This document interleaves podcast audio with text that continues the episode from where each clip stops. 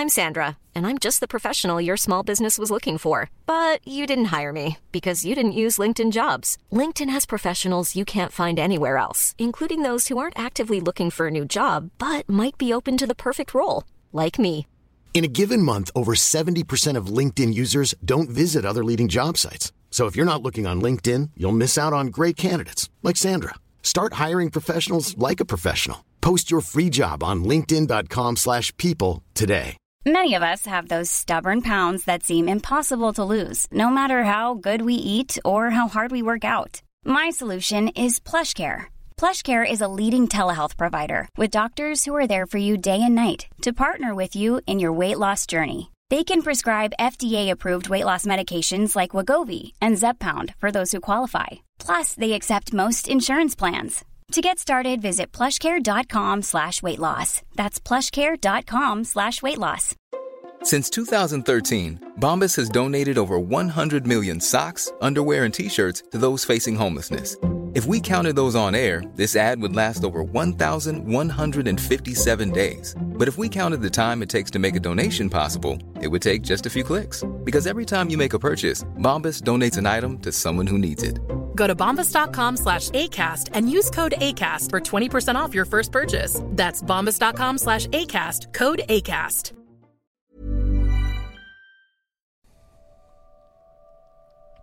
Jessica Ryde är född i Lund 1994 och är en av världens bästa handbollsmålvakter. Efter en framgångsrik ungdomstid med äldre årgångar, tidig debut i Lugis A-lag som 17-åring och två SM-finaler i ryggen kom det som en kalldusch när hon som 19-åring inte fick förnyat förtroende av moderklubben och istället lämnade för H65 Hör. Vilket skulle visa sig vara ett riktigt lyckokast. I det här avsnittet av Lunds stolthet pratar vi om det roliga att luras och bli lurad, vad nästa steg i karriären skulle vara och att bli viral med en räddning från VM i Spanien. Det här är Lunds stolthet.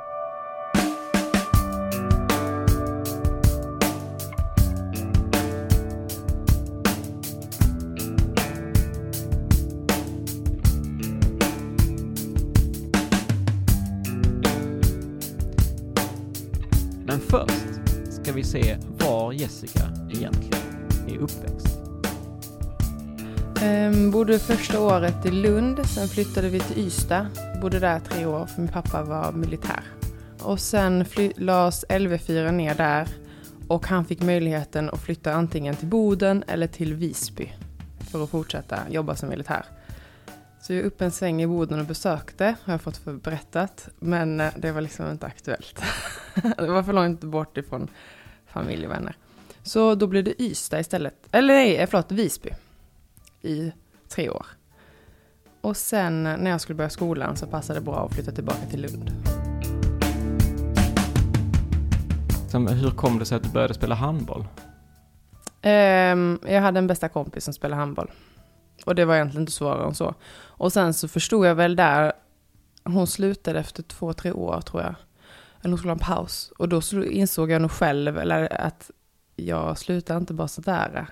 Jag är inte så, alltså okej att jag kan vara lite impulsmänniska, men jag är inte impuls på någonting som jag tycker är kulaktigt. Då slutar jag inte bara lättvint, utan då blir jag ge den en chans. Och det insåg jag fast jag var rätt så liten, alltså tio år kanske. Så jag fortsatte. Um, ehm, och sen var det faktiskt rätt så många i min, års, min årskull liksom, som efterhand droppade av. Eh, ja, men för det klassiska att det är mycket annat som kommer som är mer intressant. Liksom. Så jag tror någon gång när jag var... Alltså tonåren är ju bara en klump. Men jag tror kanske kring 13-14 ehm, så fick jag möjligheten att träna med de som var ett år äldre lite och spela lite med dem. Och det hjälpte väl att bibehålla min motivation lite till att okej, okej, det finns någonting mer. För vår årgång är ju inte heller känd som den årgången som hade någon som helst framgång, typ. Alltså vår största bedrift var ju att komma, jag tror vi vann B-slutspelen i Lundaspelen liksom. Säg en annan Lugi-årgång som har det som det största liksom. Nej, skämt åsido, vi hade ju skitkul och det var ju också värt det liksom. Men det var då var det väldigt kul att få komma och spela med 93orna som var ett riktigt vinnarlag. Och sen även inte så lång tid efter fick jag börja gå upp och träna med junioren eller farmen eller vad det hette. Och där var då 92orna som också bara var vinnargäng liksom. Och det var rätt så kul att få se och lära det också liksom. Eh, men när du då började träna liksom med eh, alltså 92 och 93 det är då alltså det är inte juniorålder utan det är liksom mer att du, du var när de spelade 93 -orna. 93 var jag nog med någonting innan de blev juniorer. Men alltså primärt var jag ju med 92 och 93 när de var juniorer. Ja, då var det nog, då tror jag till och med att det kan varit så att jag bytte, att jag i stort sett bara var med dem. Och att jag ytterst sällan var med 94 men då var det också många som hade slutat i det laget. Är det någon av 94 förutom du som har så att säga tagit sig vidare i just i det här? Nej, inte jag kan komma ihåg. För jag för mig att när jag slutade i Lugi ehm, så var jag liksom den sista 94 jag kan ihåg att jag tänkte att så, det var den årgången, då är den borta. Det här, det slutar med mig. Var lite så. Det var lite sorgligt. Vem hade ni som tränare där eh, när du började? Vi du ihåg hade han, hennes eh, pappa och sen så en lagets, andra lagets pappa. Och så, ehm, ja. sen så efterhand så fick vi, bytte vi ut till någon som eh, Kim och Figge och sen Olle Nilsson. Jag tror han har spelat i Lugi, kan det stämma? Roland Nilsson som, alltså som är pappa till Skrätting. Ja, men det är precis, det är han. För hon började, hon och en som heter Katlin började med oss i, jag har ingen aning, någon gång i tonåren. tonåren. Eh, och då så kom han med på köpet, eller vad man ska säga, eller hur det nu funkar, tvärtom kanske, jag vet inte. Men, eh, och, eh, och sen tog han över och var tränare. Och det kommer jag också ihåg eh, som jättebra liksom. Nu jag tänker efter så är jag otroligt nöjd med, eller eh, de tränarna har verkligen format vissa liksom, inställningar hos mig. Och Jag kan nog inte sätta ord på det, för det behöver jag tänka lite mer på. Men eh, lite det här med, jag tror det var mycket om du gör jobbet så kommer det belöna sig. Och sen kommer jag också ihåg att, just att tala om Rolle, att han sa ju, han berättade att han har varit med i landslaget, eller Lugi, och han bara, eh, blir du riktigt bra så får du komma ut och resa med handbollen. Och jag, så var jag alltid varit så väldigt, inte tänkt så mycket, utan kanske blev lite, lite naiv kanske. Tänkt bara, jaha, åker de på liksom avslutningsresor ännu längre bort än London? Är det, är det det enda sättet man reser på? Eller jag förstår ju inte hur man kunde resa med handbollen. För jag har aldrig varit liksom superinsatt. Och då förstod jag inte, och det tänkte jag bara på för, eh, ja men det kanske blir nu när jag bytte till Hörd och vi spelade Challenge Cup och sånt. Så förstod jag att bara, hej det är det här han menar. Man spelar faktiskt, man åker liksom iväg en helg för att spela en match. Och, hur, och sen spelade du med juniorerna, hur länge då? För sen eh, Eller snarare, när, Nej, när blev sen, det sen? drog Sanna korsbandet. Så då behövde de en till målvakt. Och då var det bara jag. Det var, det var inte bara jag, men det var jag som var aktuell. Typ. Jag vet inte riktigt varför. Men antagligen för att de tyckte att jag var bäst. Det kan jag ju inte säga någonting om. Men jag vet om att jag fick vara med i A-laget liksom. Men jag kommer inte heller helt ihåg vad avtalet var, hur mycket jag var med och sånt där. Det kommer jag faktiskt inte helt ihåg. Men jag kommer ihåg att inte långt efter att Sanna drog korsbandet så drog to- Tove korsbandet. Så då plötsligt så stod jag där i A-laget. Men då var jag, var jag 17 kanske. Eh, då insåg ju väl Lugi också att okej, att vi kan ha en B-målvakt, eller vad säger annan målvakt som är liksom ung. Men vi kan inte bara förlita oss på en 17-årig målvakt liksom en hel säsong. Eh, så då lånade de ner Bodil från Skuru som, också, som bara var andra målvakt, eller du vet, så spelade lite mindre. Eller om man var tränaren, tränade målvaktstränare, jag vet inte. Så då körde vi den säsongen. Jag tror, om jag minns rätt, så var det liksom min första säsong i elitserien. Och eh, det var så kul då, för då hade jag Ola Månsson, som jag hade senare i H65. Då hade jag honom i handbollsgymnasiet. Och så någon gång så kom han fram till mig och han bara, du vet, skrattade och bara, Eh, alltså du vet att du har fått sjukt mycket mer speltid än vad du förtjänar. och det var ju helt sant. Alltså jag hade inte förtjänat den speltiden mer än att det var två som dragit korsbandet liksom. Eh, men det fick mig också tänka, för då tänkte jag också, eller det fick så liten att jag kan inte bara, ja det stämmer, jag har inte förtjänat detta, jag måste fortsätta jobba, jag är ju långt ifrån tillräckligt bra för att spela här där jag spelar liksom. Jag måste fortsätta utveckla mig. Jag är inte färdig här. Nej, och det, var, det är lite kul ibland att få en sån, någon som ger en ärlig åsikt liksom. För att det stämde. Och jag tog det inte illa åt överhuvudtaget, för jag visste ju också om att, ja, det är ju inte jag som har liksom jobbat mig hit till den platsen på det sättet. Kanske senare, kanske i längden, men inte så här, inte så här tidigt, inte än liksom. Men jag har fått mycket hjälp, för jag tror att jag har haft jag har väl haft någonting, för jag har varit med i Skånelaget och U-landslaget och alltihopa, så att det har ju varit folk som har sett potentialen med liksom, utan tvekan. Och antagligen någon, tränarna i Luga också, i och med att jag, det var ju då jag som fick möjligheten att spela i A-laget och inte de som var 92, 93. Jag vet inte ens om de spelade fortfarande eller inte, men jag fick ju komma förbi några, så att... Sen så hur länge spelade du i Lugis A-lag? Fyra år kanske? Mm. Tre, fyra år, jag är inte helt säker. Jag kommer inte ihåg. Till och med gymnasiet eller? Ja, ja precis. Jo men det stämmer nog förresten. Ehm, spelade bara det tre år då kanske? Ja, för när jag slutade gymnasiet så slutade jag i Lugi också. Eller ska då kolla här. slutade Lugi med mig kan man väl säga. Vilken cliffhanger! Och sen Vänta, så jävla gött! så öppnar vi Pandora.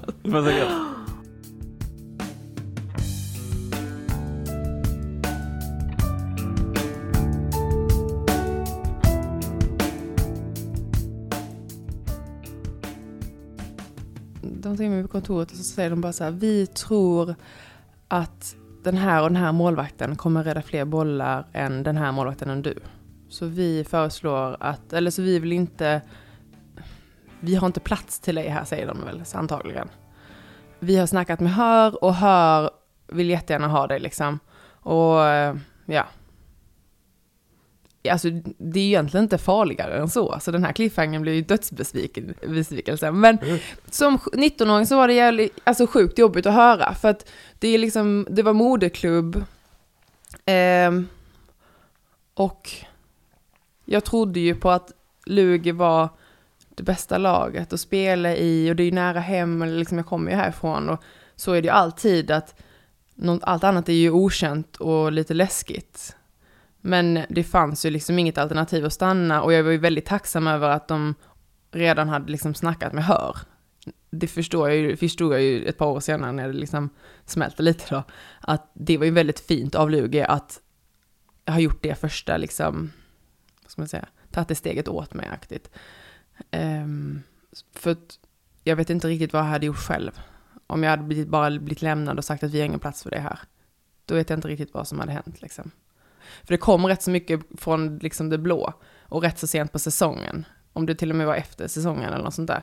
Om jag kommer ihåg rätt.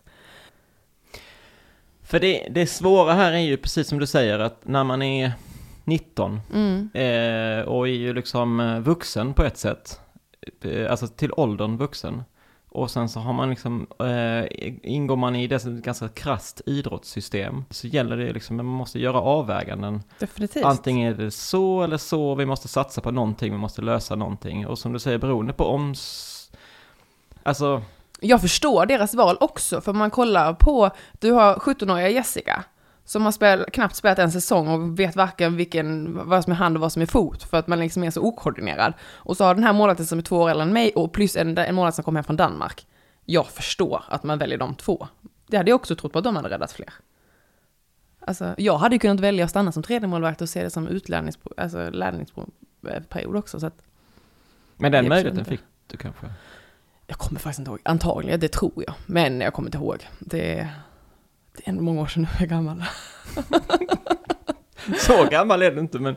men eh, nej, men, men, men det är väl... eh, nej, men det, för det där, det är ju ändå spännande. Det, som du säger, du la upp det som en cliffhanger. Det, och det är... eh, så mycket Pandoras ask, ask kanske det inte är ändå. Nej.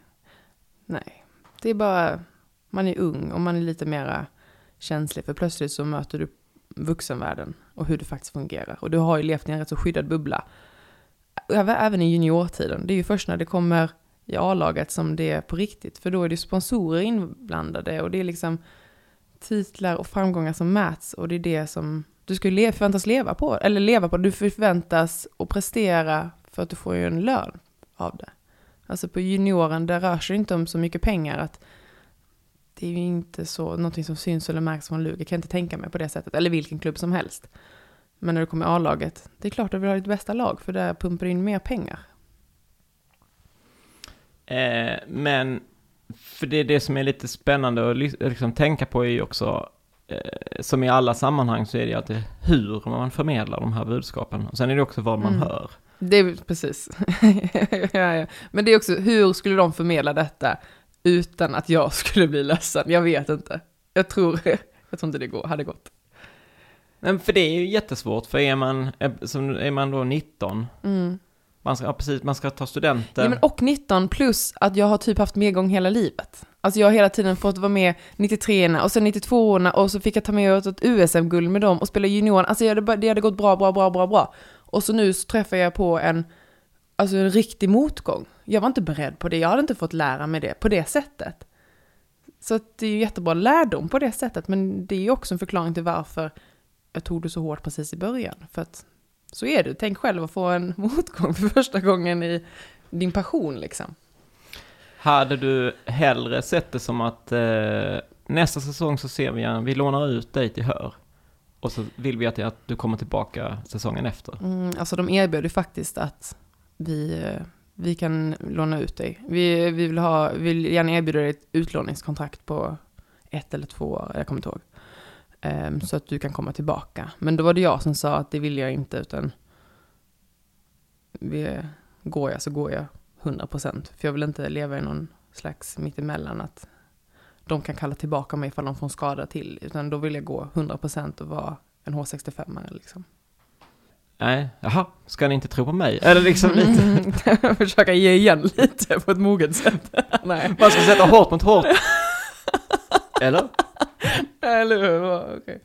Nej, nej, det, nej, det var nog eh, mer mot för att respektera mig själv, att jag ska inte ha en liten sån, jag vill inte ha ett trygghetsnät på det sättet, för nu har jag, nu har jag fått en ordentlig utmaning här, då ska vi ta den ordentliga utmaningen seriöst liksom. Så att för det var snarare för min egen skull att jag kände att nu ska jag, lä- jag ska lära mig någonting av detta, och då ska jag inte kunna gå tillbaka om det känns för läskigt liksom. Och eh, så gick jag till Hör. Och det var typ det bästa som kunde hända mig. För att eh, nej men det, var, det var så otroligt bra miljö. Så att eh, jag är egentligen evigt tacksam för att Lugi släppte mig. För att det var de bästa fyra åren liksom, i handbollskarriären. Typ. Förhör då 2013-14 när du kommer dit är på väg någonstans ju. Också. Precis, och det är väl det som gör att de här åren blir så bra för mig. För att jag kommer väl, jag kommer väl lite mer i fas med laget. Att där, när jag lämnade Lugi så var Lugi ett topp-topplag. Eh, och antagligen så var jag ju sämre. Jag kanske inte var bra nog till att få speltid där. Och jag antagligen hade blivit mycket bänk. Men ni hör så var man ju liksom upcomings.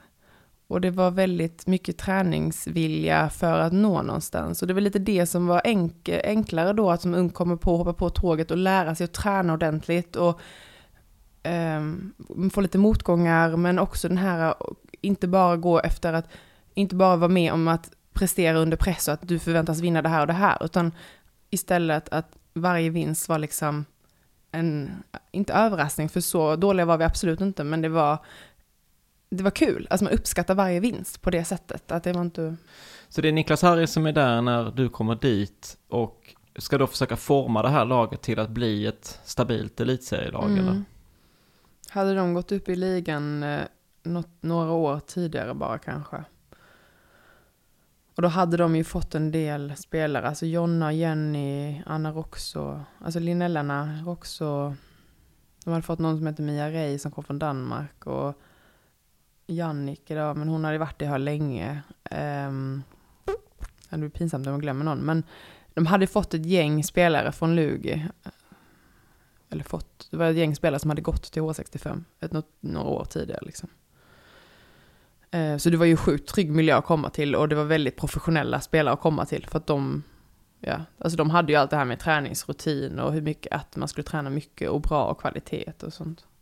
Så det var väldigt lätt, en väldigt lätt och bra grupp att komma till som ung spelare.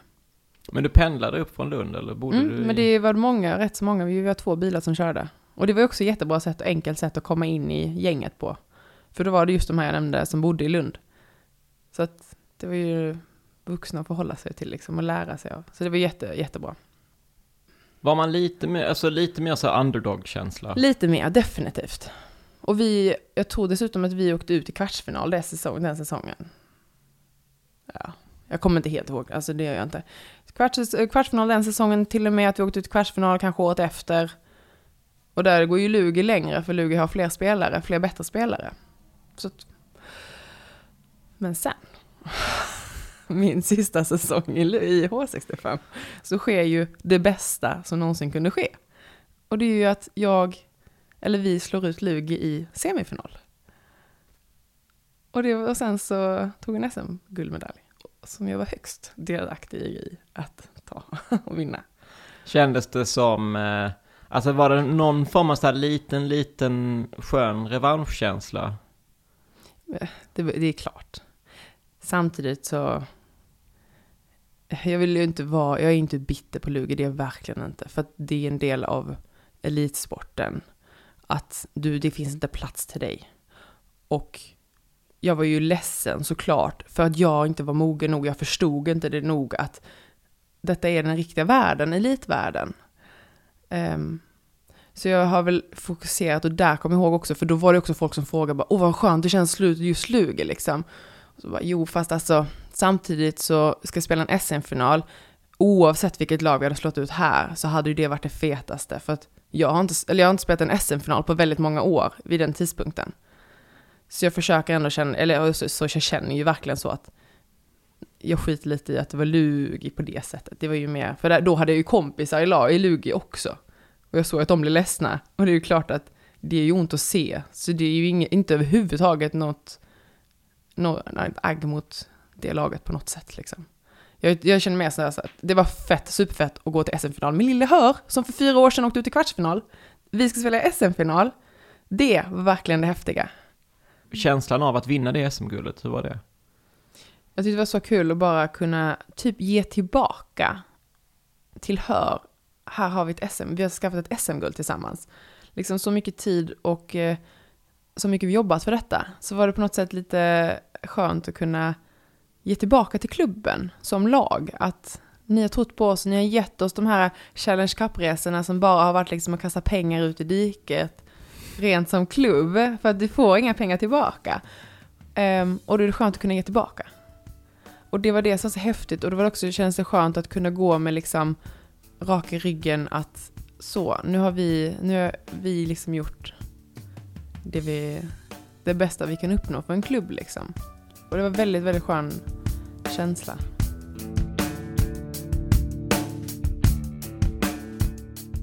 Det var väldigt bra träningar, alltså väldigt bra. Det utvecklade mig otroligt mycket för de signade då Micke, Mikael Salomonsson. Ehm, och sen dess liksom gick bara min utveckling jättemycket bättre. Och jag tyckte det var så otroligt roligt. Och alltså inte nog med att han är en bra tränare, handbollstränare och nörd och allt vad det är. Alltså han har bara ofantligt mycket tid och engagemang som är liksom guld värt. Så att han lärde ju mig det här med att analysera till exempel. Och gjorde ett hästjobb kring det. Och bara serverade det ena på det andra på silverfat. För att jag skulle kunna lära mig det liksom. Och det, det är också någonting jag verkligen inte har tagit för givet. Utan det vet jag många som inte vet hur man gör. Eller liksom har fått lära det sig själv. Liksom, och lägga otroligt mycket tid på att lära sig saker som jag, jag kunde, han skickade, skickade klipp till mig. Jag kunde fokusera och han berättade vad jag ska se på klippet. Som är skillnaden från att skjuta till höger eller vänster till exempel. Och där är det ju andra som har fått göra allt det här hästjobbet själv. Och det är väl också en charm och jag har fått kriga själv hit och dit. Men jag hade ju lyxen i att jag kunde fokusera på det som verkligen var viktigt. Vilket jag uppskattar enormt. Hur viktigt är det? För det är inte alla som har den, det fokuset att ha en dedikerad målvaktstränare. Utan man säger att man har en målvaktstränare som kommer in ibland. Och mm. det, det, har jag förstått i alla fall att det är liksom inte helt självklart. Nej, och jag tycker det är så otroligt synd för att målvaktspositionen är ju bara, det är ju inte ur handboll på det sättet som, alltså det är ju en helt annan sport än vad en utespelare håller på med. Det är det ju. För att det är inte nog med hur vi rör oss, men det förväntas att vi ska analysera utespelare. Det förvänt eh, vi står också stilla länge och tänker på, okej okay, jag släppte in en boll, vad var det jag gjorde för fel? Hur kan jag nästa gång? Och vad kommer hända där? Och där, där, Alltså jag tror det är en helt annan, man tänker på ett helt annat sätt. Och det har jag snackat med mina kompisar som är utespelare om. Att, och de kan ju vara nervösa till exempel. Och så för de, nu de jag har snackat med, då tycker de är så skönt att bara, ja okej okay, men så brottas man lite och sen så glömmer man att man är nervös. Men där för mig som person så tar det ju lite längre tid för att då får jag kanske en boll på mig och sen får jag vänta ytterligare två minuter tills någonting händer igen. Så att det här med att bli av med spänningarna det kan ju ta jättelång tid för mig. Så jag tycker det är så sjukt att man inte har en målvaktstränare som standard i alla klubbar. För att alltså så mycket det hade gett till bara målvakts målvaktskollektivet liksom i hela Sverige, i hela världen liksom. För det är långt ifrån alla klubbar, eh, dam eller herr eller vad det nu än är som, som är på elitnivå som har en dedikerad målvaktstränare. Men där är ju några som har det och det kanske man också kan se skillnaden. Jag vet inte, jag tror det har blivit lite mer aktuellt och lite mer att, för, att klubbar förstår hur viktigt det är. För att man kan ju också se det här med att eh, målvakter lär sig tid och ålder hur de ska röra sig liksom. Och tänk, det är ju som med allting, lär, ju tidigare du lär dig desto bättre blir du på det. Och ju mer kan du finslipa saker och hinner du finslipa saker innan karriären är slut typ. Jag tror det har blivit, jag hoppas att det har blivit mer aktuellt att det blir, men... Eh, Aktuellt ja, men jag är inte säker jag på att Jag vet nu senast med, i, bara här i HIH så var det ju målvaktstränare vi skar ner på under corona när det inte fanns pengar. Det är ju den posten som ryker först och det tycker jag är helt, jättes, alltså det är jättesynd. För gärna så har man ju kanske en eh, alltså huvudtränare som kör mer anfall, en assisterande mm. tränare som kör mer försvar eller tvärtom. Och sen så, så är det en lucka till, där är ju en mm. spelare till.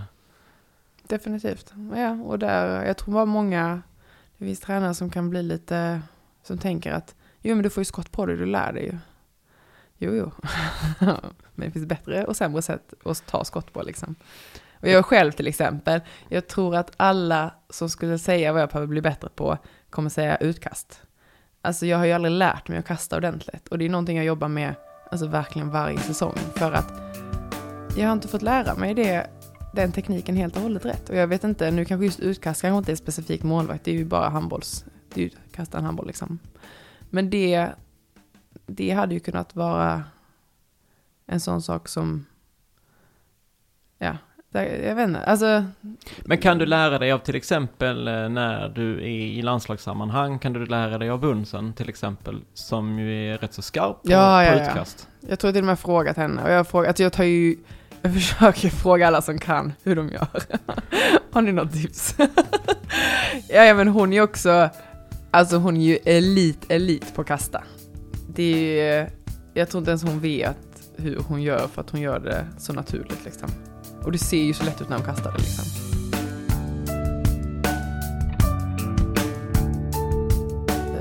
Och sen så fick jag ju världens, eh, komma ner på jorden sen när jag kom tillbaka till, eller kom till Härning, för då var det plötsligt såhär, oh, okej, okay, jag är inte bra nog för att bara spela som första målvakt i danska ligan. Det är verkligen ett stort steg, det insåg jag när jag kom dit. Och det, jag hade nog inte riktigt varit beredd på att det var så stort steg. Eh, men det var kul, du kom dit med en SM-guldmedalj. Ja men precis och tänkte, så vad ska jag lära mig? vad ska ni lära mig liksom? Och sen eh, så snabbt så fick jag Fötterna på jorden ja. igen. och så var det bara att börja om i gruvan liksom. För det var FC Midtjylland mm. då? Samt med som fotbollslaget, det hörde ihop. Alltså FCM, handboll och fotboll hörde ihop på det sättet att vi hade samma namn. Sen tror jag liksom ingenting mer hängde samman liksom. För det var någon som hade köpt fotbollslaget? Precis, och så fick, var de tvungna att köpa handbollslaget också, om jag förstått det rätt. Eh, och sen när det kontraktet löpte ut eh, efter två år, så ville inte han förlänga med handbollsklubben och då var det väl inget krav längre på att det ingick liksom. Så då behövde vi bli självständiga Eh, och så bytte man namn till Härning Ikast handboll och eh, blev lila och enhörningar istället för svarta och, eller vi har varit lila tidigare också i i och för sig, men det blev enhörningar istället. Mm. Och sen så efter tre år så var det dags att gå tillbaka till rötterna. Så då, nu inför nästa säsong, så byter vi till ICAST handboll och blir gula. Hur kom det sig att det blev FC Midtjylland då? Eh, de, var, de ville ha mig. Jag tror bara det var så enkelt att de hade snackat och sa att de hade hört av, de ville ha mig. Och de... Eh, och det var det. Jag var deras liksom, enda alternativ. Såklart att de hade väl allt fler alternativ, men de ville ha mig. Så var det. Och eh, jag tror jag blev rätt så liksom eh, smickrad av det. Och så kom jag dit och jag fick komma dit och se hur det var och hit och dit och det var ingenting att bemärka på liksom som, så jag, så jag tänkte, nej men det blir väl bra. jag är inte så svårövertalad. Men du var, ja, men det var väl också ganska rätt i, i tajmingen liksom? Mm. Jag var rätt säker på att jag skulle gå, alltså mitt sista år i Hör så kände jag att detta är mitt sista år i Hör liksom. För att nu behöver jag ta ett steg till för att liksom, ja, utvecklas mer. Testa något nytt, som man, all- alltså som väl de flesta kör, känner efter ett par år, att nu ska någonting hända. Och danska ligan kändes som att det var det som... Ja. Ja, för det, det är passande, det är nära och det är ju egentligen, jag var ju nog inte mogen eller vågade tänka tanken på att åka till Frankrike eller Tyskland. Utan, nej jag tror också, jo jag tänkte också att om jag nu ska ta nästa steg så ska jag ta nästa steg ordentligt. Och vilken är den största utmaningen? Men det är ju danska ligan, för där är det ju bra, det är bra lag i hela ligan. Och det kommer bli en riktig, vad heter det, en stor utmaning. Och det kan bli kul. Jag vill inte gå till någon annan liga och sen är det lite samma sak, att ja, men det är två, tre topplag och så resten är bara att checka av. Utan jag vill testa någonting riktigt bra. Och där är ju danska ligan jätte, jättebra liksom.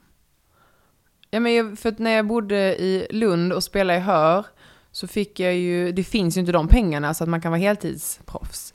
Eh, så då jobbade jag samtidigt på en skola.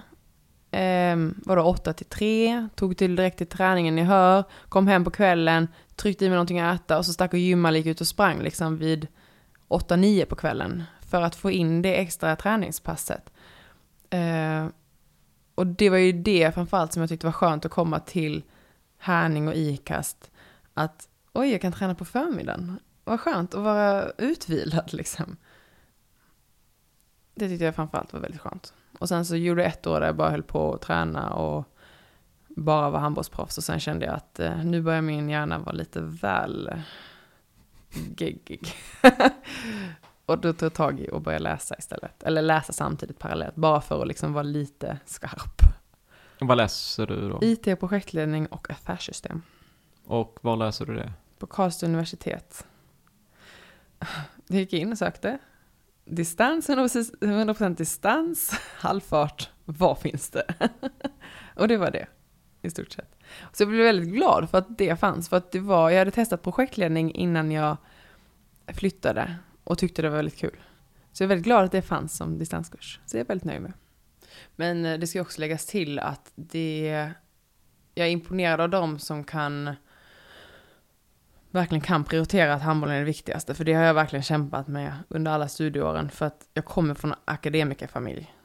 Och jag har alltid lärt mig att det är viktigt att ha en bra utbildning att stå på. För att jag är inte dummare än att jag vet att när handbollen är slut så antagligen har jag inte jag har inte kommit att tjäna de miljonerna som en liksom proffsfotbollsspelare har gjort att jag kan bara se, luta mig tillbaka. Och jag tror inte jag vill det heller. Jag vill ha någonting att gå upp för varje morgon.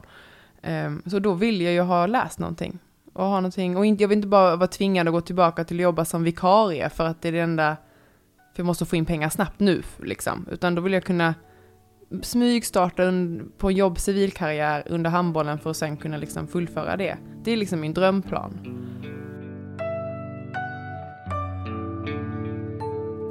Hur kom det sig att du blev målvakt? Jag tror i... Jag tror inte jag var bra nog som utespelare. Jag tror det var så enkelt. Lite för dålig koordination och... Nej. Jag tror inte det var någon som tyckte att det var en bra idé att låta mig fortsätta spela ute liksom. Vad var det med målvakt som du liksom fastnade för? Förutom då det var det naturliga urvalet som gjorde att du hamnade där. det var en bra start i alla fall. Eh, nej, men jag älskar spelet i spelet. Att med alla spelare, för det första så tänker inte spelare så ofta på vart de skjuter. Utan jag tror att de mer, mycket går på känslor. Att um, det går bra idag för jag, jag skjuter där och det känns bra-aktigt. Men jag tror inte de tänker på att okej, okay, nu har jag skjutit i höger sida, hon var nära på att ta den, nu måste jag byta. Eller, eller beroende på vilken spelare det är, att ja, men jag fortsätter skjuta, det är ju mål. Utan att som man som målvakt där kan, man tänker, man har lite mer tid att tänka också för att du står och kan följa bollen Eh, och det är de som bestämmer när de ska skjuta och då ska jag ju bara se till att stå på rätt plats. Men därifrån så kan jag ju, jag kan också förutse vem som ska skjuta och så kan jag placera mig så att mina eh, val minsk, eller deras val min, minimeras. Eh, och att de avslöjar vad de vill skjuta. För att det blir tydligt nu på senare år att ju bättre du är på att dölja ditt skott, eller ju mer likt du håller armen, beroende på om du skjuter höger eller vänster sida, ju svårare är det såklart för mig som målvakt, men det finns ju fortfarande spelare som hoppar in med jättelåg arm förbi ett täck.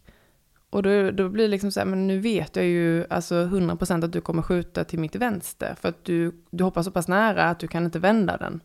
Alltså det är sådana saker jag tycker är jättekul, och det blir roligare ju äldre jag blir, för jag snackade om det faktiskt senast igår, om vad, hur kul det är att vara lite äldre, lite mer rutinerad, har lite fått lite fler skott och varit i lite fler situationer. Där nu är det jag som möter unga spelare som eh, skjuter första höger som jag tar och sen så vet jag att du kan jag nästan gå bort och ställa mig i vänster för då kommer nästa skott till vänster. Och sen efter det så, eh, ja men nu kan ni släppa henne för nu kommer inte hon skjuta mer. Alltså lite sådana, nu är det ju väldigt så hårt, eller vad ska man säga, tydligt. Det är inte alltid det är så, absolut inte. Men det är, det är väldigt kul att man kan se på en spelare som målvakt nu att nu vågar inte hon skjuta med. Nu kan ni släppa henne. För om hon skjuter nu så kommer hon att alltså, rulla in bollen liksom. Det är jätte, jättekul. Och sen såklart, det är lika kul att möta de ännu bättre spelare där jag får huvudvärk över att, okej, okay, men vad, nu kanske jag överanalyserar, hon kanske inte ens kan skjuta det skottet, men jo fast hon är så pass bra så hon måste ju, hon vet ju om vad jag har gjort eller vet hon det eller, det är ju lika kul. Så det är verkligen ett sjukt brett spektra på vilka utmaningar och vad som förväntas av dig som målvakt typ och hur mycket du kan luras. Det är det här med lura, att lura en utespelare eller bli lurad är också lite kul. Är det det? Ja men det är ju klart det är kul för då vet man ju om att den du möter är skarp liksom jag kan bli riktigt imponerad och tycka det är riktigt kul om jag märkt att bara, shit nu, eh, alltså nu lurar hon mig, okej, okay. vad är hennes nästa drag typ? För då är det liksom en spelare som är med, som tänker. Och det är jättekul att möta utmaning på det sättet liksom. Man kan nog se, liksom framförallt på niometersspelare kan jag ju se när de tar sats, till exempel. Och jag kan, man kan också få en känsla av att okej, okay, det där är en spelare som brukar skjuta, skjuta tio skott per match och hon har inte skjutit nu på tio minuter antagligen så ska jag vara lite mer beredd på henne liksom. Så det är väl mer. Jag tror också det ligger lite i eh, ryggmärgen att du känner igen, eller jag känner igen olika rörelsemönster eller jag ser vart mitt försvar börjar liksom. De blir ju förflyttade såklart och efterhand så blir de ju mer och mer efter i anfallarnas rörelser och jag tror det också ligger liksom undermedvetet att nu ser jag att nu börjar det bli väldigt stor lucka på höger sida kanske, antagligen kommer det komma någonting där. Jag tror det, jag har inte riktigt tänkt på det, reflekterat på det sättet, men som målvakt, så, sen så rör du inte dig så mycket som målvakt, så står du lite fel så kan du ju alltid rätta till lite och stå rätt så rätt liksom. Men det är väl snarare, det svåra är väl eh, när det kommer genombrott som man inte är helt beredd på, eller linjeinspel som jag inte heller är beredd på, att, att jag inte når att komma ut eller göra det jag vill göra på den spelaren eller i den situationen. För att jag också blivit lurad eller för att någonting har gått snabbare än vad jag har hunnit röra mig. Det är de gångerna som är svårt och sånt kan ju påverka hur man står liksom.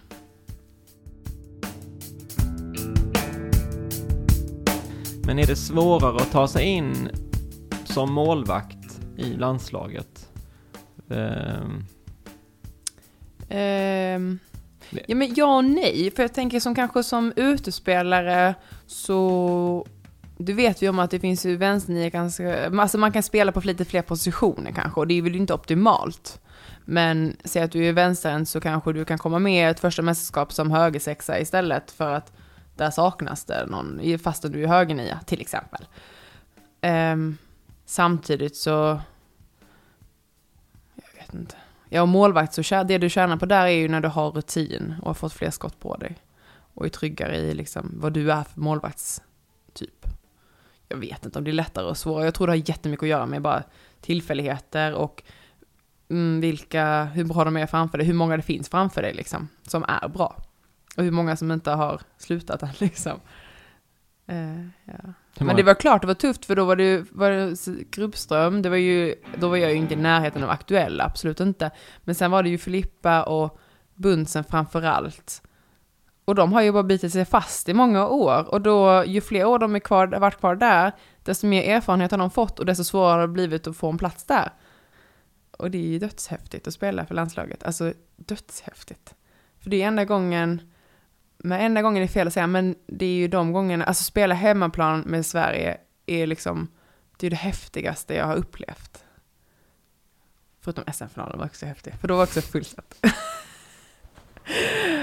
men jag bara minns så väl nu senast när vi var i Ystad till exempel, för jag var inte med i Helsingborg.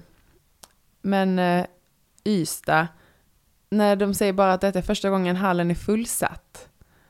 Och då har det ändå varit liksom Ystad-derby. Och den var ju verkligen fullsatt. Och men det var så häftigt, det blir typ som att man, blir, man känner sig som att man så får superkrafter. För att det är så många som hejar på en och vill att man ska göra det bra. Och varje mål så är det liksom en hel publik som bara jublar fastän man leder med hur många som helst. Det händer kanske inte i ett klubblag för att där är publiken kanske lite, känner till laget lite mer och är lite mer bortskämda med, ah, ja men de ska vinna det här eller inte. Medan när jag tror att man, man representerar Sverige så är det fler, till exempel unga barn, som mer tycker det är coolt att se på handboll och älskar att jubla, så de skiter lite i resultatet och de bara gör ljud. Och det är ju det bästa.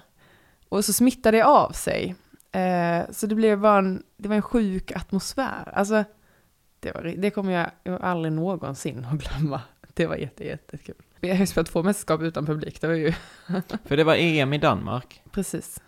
Eh, som var Axners eh, och, eh, och, Johannas första va? Mm. OS i Japan. Och så Spanien nu då. VM. Just det, med lite begränsad publik också. Ja, det var det väl. Jo, det var lite... Mm. Stämmer nog. Mm. Ja. De har ju kvar en del restriktioner i, i Spanien fortfarande. Mm. Eh, men hur var det att spela OS? Alltså oavsett om det var, det var med eller utan publik, men mm. hur var det att spela OS? Jättehäftigt. Alltså... Sen, för ni spelar ju ändå ganska bra. Vi spelar jättebra. Och jag är... Jag tycker det är så häftigt att nu i efterhand så är man nästan lite besviken av att vi inte kom till final. För att vi var så nära att slå Frankrike i semifinalen. Och det tycker jag också är en svincool känsla. För att om man tar ett steg bakåt så är det helt sjukt att vi kommer till semifinal. För den gruppen vi får är bara så mycket tuffare än den andra gruppen. Och ändå lyckas vi komma därifrån med liksom sju poäng. Lika kommer vi inte vidare som ettor. Jo, jag tror ja. det. Det, det, det är så, jag får nästan rysningar, jag är så stolt över att vi kommer så, att vi gör det så bra. Och för att vi är förhållandevis, vi är många nya. Eh, vi har bara haft Axnér, Johanna och Foppa i ett år. Så det är ju fortfarande mycket nytt och liksom, sen är det såklart, man ska ju inte förringa att vi varit tillsammans en hel sommar och det har ju gjort jättemycket på laget och på spelet och alltihopa. Men där efter det kände jag också en sån motivation till bara wow, alltså det här landslaget utan att sätta för mycket press på oss själva. Men jag tror verkligen på det här landslaget. För jag tror bara att det, det känns som en otroligt bra grupp. Miljö, träningsmiljö, ambitionsnivå, alltså vi tror på det. Och det, det förstod jag efter, den, efter OS att det här är ett bra gäng liksom här. Vi kan nå bra höjd, alltså vi kan nå långt.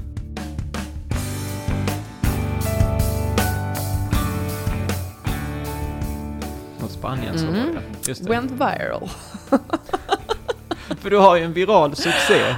Ja men det är skitkul för att först och främst så har jag haft en klubbkompis som har lite narrat mig i ett halvår på att jag springer långsamt. Eh, Och att hon trodde aldrig någonsin att jag skulle kunna ta en sån boll. Och så är det som att jag får en sån liten sån snillblixt när det händer. För att vi ligger ju under och det ser tungt ut för oss. Alltså det är lite så här, shit, nu ska det ske lite ett mirakel om vi ska kunna vinna. Alltså tillägga till, det gjorde det ju inte. Men så tänkte jag bara, okej, okay, jag har ju ingenting att förlora på den här äh, situationen, kan vi försöka göra det lite kul typ. Så när hon kastar, jag tror ju typ inte egentligen själv på att jag kommer hinna. Vem är det som kastar? Eh, Cleopatra, alltså franska målvakten. Mm. Och så springer jag allt vad jag kan. så jag vet inte hur jag ska göra. Alltså det enda sättet är ju bara att kasta sig över bollen, för jag hinner inte gå runt. Jag är sjukt imponerad över att jag har en känsla för var linjen är alltså.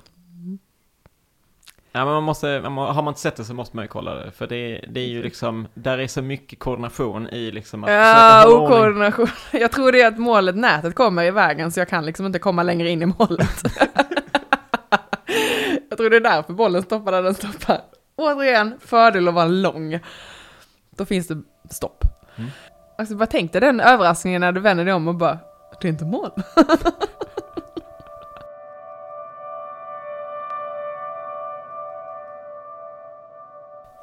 Alltså vad skulle vara nästa utmaning i...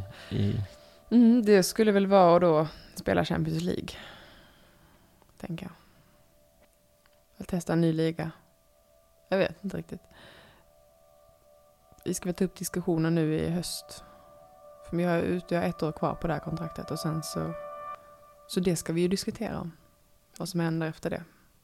Och om man nu, nu med all den kunskapen du har eh, från från ditt 19-åriga jag mm. eh, till det du är, där du är idag. Har du liksom, vet du hur tufft det skulle vara att liksom, ja men om jag ska spela Champions League, är det samma, är det liksom landslagsnivån bara? Så att säga, den har du ju. Mm. Är du med på vad jag menar? Är det liksom... Om jag väljer klubb efter... ja men säg så? att du skulle gå till Gör eller till eh, Vipers eller till, eh, alltså till någon mm. annan som spelar Champions League. Eh, mm. så. Är det liksom, oj, som du kände när du kom till Danmark? Jaha, det var inte bara att ta min SM-guldmedalj och ställa mig mellan stolparna. Nej. Eller vad är, vad är liksom... Oh, jag tänker att eh, jag tror jag är mer förberedd denna gången på att det kommer bli utmaning. Alltså, alltså nästa steg jag tar om det blir uppåt liksom mot Champions League så tror jag är mer förberedd på att det kommer inte bara serveras en speltid liksom på silverfat utan det kommer krävas liksom lite grisjobb först liksom. Det, jag hoppas på det, jag tycker det är kul. Det är kul att jobba för det liksom och sen få lite belöning för det då, förhoppningsvis. För det mesta. För där är ju konkurrensen stentuff. Definitivt, det är jag. Där kan vi snacka om att du ska konkurrera med bra målvakter som har rutin både i landslag och i klubblag. Helt säkert. Och det, och det är ju svårt innan man byter liga också för då, många gånger de målvakterna du möter, då har de ju mött, de kanske varit i klubben länge och har mött de här spelarna i ligan och har den fördelen som du inte har som kommer som ny. Och då är ju frågan hur bra du hanterar det liksom. Och hur snabb, hur lättlärd du är på skyttarna liksom, i den nya ligan. Och det kan också vara väldigt spännande och kul. Och det är ju kul med utmaningar, alltså det är det ju. Det är inte kul när det blir vardagsmat liksom. Det ska vara helgmat också. Jessica, stort tack för att uh, du ville vara med. Mm, tack själv. Väldigt roligt. Ja, bra. Mm. tack själv.